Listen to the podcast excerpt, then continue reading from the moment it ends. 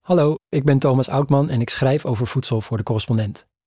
Voor de komende verkiezingen heb ik me verdiept in de serieuze verduurzaming van de landbouw die al decennia op zich laat wachten.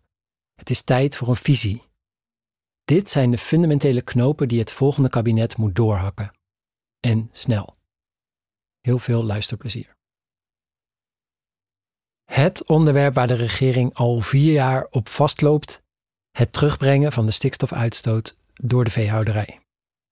De politiek zit er steeds erger mee in haar maag, te meer omdat de landbouwproblemen in feite veel groter zijn dan alleen stikstof. De landbouw stoot ook te veel broeikasgassen uit, vervuilt het water, duldt steeds minder natuur, maakt het landschap steeds saaier en sluit ook nog eens slecht aan op de behoefte aan gezonde voeding. Er is een radicale systeemverandering nodig. En hoewel dit al decennia bekend is in de politiek, is er van echte verandering nog steeds geen sprake. Ook de laatste minister, Piet Adema van de ChristenUnie, kwam niet verder dan een mislukt akkoord met de landbouwsector. Het probleem? Hij bleek niet in staat, of van zins, om harde keuzes te maken en een concrete visie op tafel te leggen. Zo blijft het aanmodderen. Het is ook moeilijk om keuzes te maken, want de genegenheid van boeren jegens de overheid is wel eens groter geweest. Deuren van het stadhuis in Beuken, asbest op de snelweg mieteren, met fakkels op huisbezoek bij de minister. Het is allemaal gebeurd. De meeste boeren keuren het af, maar ze snappen wel dat het gebeurt.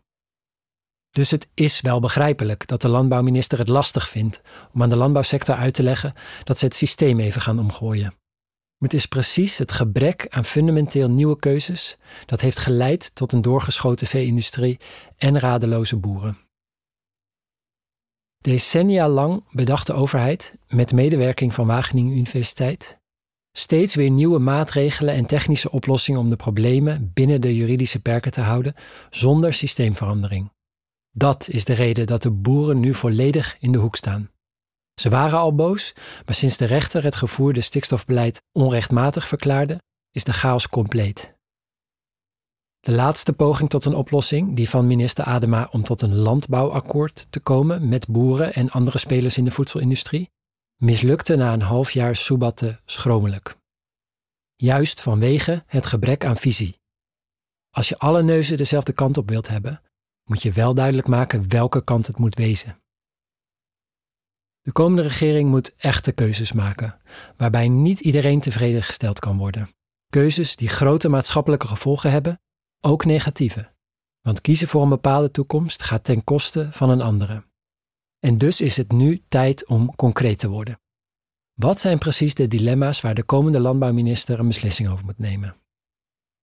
Met een uitstekend gevoel voor timing publiceerde Wageningen Universiteit begin deze maand een rapport dit keer geen technisch epistel waarin de problemen zoveel mogelijk gedepolitiseerd worden met cijfers en jargon.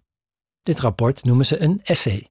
Het schotelt de politiek in toegankelijke taal zes fundamentele dilemma's voor om tot een echte landbouwvisie te komen. 1. Wat is het primaire doel van de landbouw? Voedselzekerheid natuurlijk, maar voor wie? Nederland, Europa, de rest van de wereld? Dat heeft grote implicaties voor de producten die we het beste kunnen produceren en de methodes waarmee we dat doen. Een nadruk op veehouderij, zoals nu, is eigenlijk alleen zinvol als ons hart primair bij Europa ligt. Nederland als de stal van Europa, zoals we nu zijn. 2. Wat is de functie van veeteelt? Op dit moment is dat om zoveel mogelijk vlees, melk en eieren te produceren. En dat kan alleen door grote hoeveelheden graan, soja en ander voedsel te importeren als veevoer. Ooit was dat anders. Vee was er voornamelijk om oneetbare planten en voedselresten zo goed mogelijk te benutten en kostbare mest te produceren. Willen we onze landbouwgrond zo efficiënt mogelijk gebruiken en de voedselkringloop zo goed mogelijk sluiten, dan is dat ook nu nog de beste strategie. 3. Hoe gaan we om met dieren? De industriële veehouderij kwam op in een periode waarin de meeste Europeanen dieren en zeker vee als van nature ondergeschikt aan de mens zagen. De wetenschap laat steeds duidelijker zien dat de door ons gehouden dieren heel intelligent zijn en een rijk gevoelsleven hebben. Kunnen we hun korte en voor hen zelf vrij waardeloze levens nog steeds verantwoorden? En zo nee, Onder welke voorwaarden kan veehouderij wel? 4. Hoe gaan we om met de Europese natuur- en klimaatregels? Voedselproductie en met name veeteelt is verantwoordelijk voor een kwart van onze broeikasgasuitstoot.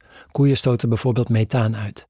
Dat moet fors omlaag en we moeten ook het natuurareaal uitbreiden tot 30 procent. De vraag is in hoeverre Nederland gaat proberen om die eisen uit te besteden aan andere landen, waar meer ruimte is. Of en hoe dat gaat kunnen, is overigens nog niet duidelijk. 5. Wat is de relatie tussen landbouw en de natuur? Hoe landbouw zich tot de natuur verhoudt, is een fundamentele keuze. Willen we landbouw als een vorm van natuur die tegelijk voedsel levert, of willen we de twee vooral zoveel mogelijk scheiden? Mits niet te intensief, kan veeteelt heel goed samengaan met rijke natuur. Beter zelfs dan veel vormen van akkerbouw. Met zoveel vee als nu is dat onmogelijk. Maar scheiden lukt tot nu toe ook totaal niet. Zie het stikstofprobleem. 6. Wat is de rol van de overheid in het consumptiepatroon van haar burgers? Moet de overheid onze consumptie sturen? Nu zijn het vooral bedrijven die ons hun producten proberen op te dringen, ook als die onduurzaam zijn. Moet de overheid hier het heft in eigen hand nemen en onze consumptie actief duurzamer maken? Denk bijvoorbeeld aan heffingen op dierlijke producten, zoals nu al op tabak en drank. Deze dilemma's laten zien hoeveel moeilijke keuzes er gemaakt moeten worden door de politiek. En wel snel.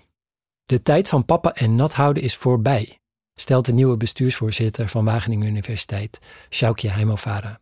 Het eindeloos stapelen van regels en wetten om het huidige systeem maar in stand te kunnen houden, is op zijn eind gelopen. De onderzoekers vinden dat zij niet degene zijn die deze keuzes kunnen maken. Maar onder het kopje verwachte ontwikkelingen stellen ze toch heel duidelijk dat de speelruimte die de politiek werkelijk heeft veel kleiner is dan het misschien lijkt op basis van al die dilemma's. Want hoe je het ook wendt of keert, de veestapel zal flink moeten krimpen om weer te passen binnen de Europese wet. En vooral ook om de staat van het ecosysteem, waarvan wij afhankelijk zijn, niet nog verder te verslechteren. Dat is geen kwestie van smaak, dat is noodzaak. En het sturen van onze consumptie op minder dierlijke producten hoort daarbij, vinden de onderzoekers. Het is de andere kant van dezelfde medaille. Het grootste dilemma is dus helemaal niet zo ingewikkeld. Aanpakken of uitstellen. Wat we nu nodig hebben zijn politici die het niet moeilijker maken dan het al is. Knopen doorhakken en uitleggen waarom een systeemverandering in de landbouw echt nodig is, op basis van gedeelde overtuigingen. Dat is de taak van het volgende kabinet, welke kleur het ook heeft. De correspondent bestaat tien jaar. Al tien jaar maken wij journalistiek voorbij de waan van de dag. Journalistiek die niet polariseert, maar perspectief biedt. Die geen ophef najaagt, maar oplossingen zoekt. Wist je dat de correspondent 100% door leden wordt gefinancierd? Dat betekent dat we ons werk alleen kunnen doen als luisteraars zoals jij ons steunen. Word vandaag nog lid. En draag bij aan diepgravende, advertentievrije en onafhankelijke journalistiek. Ga naar decorrespondent.nl en word lid.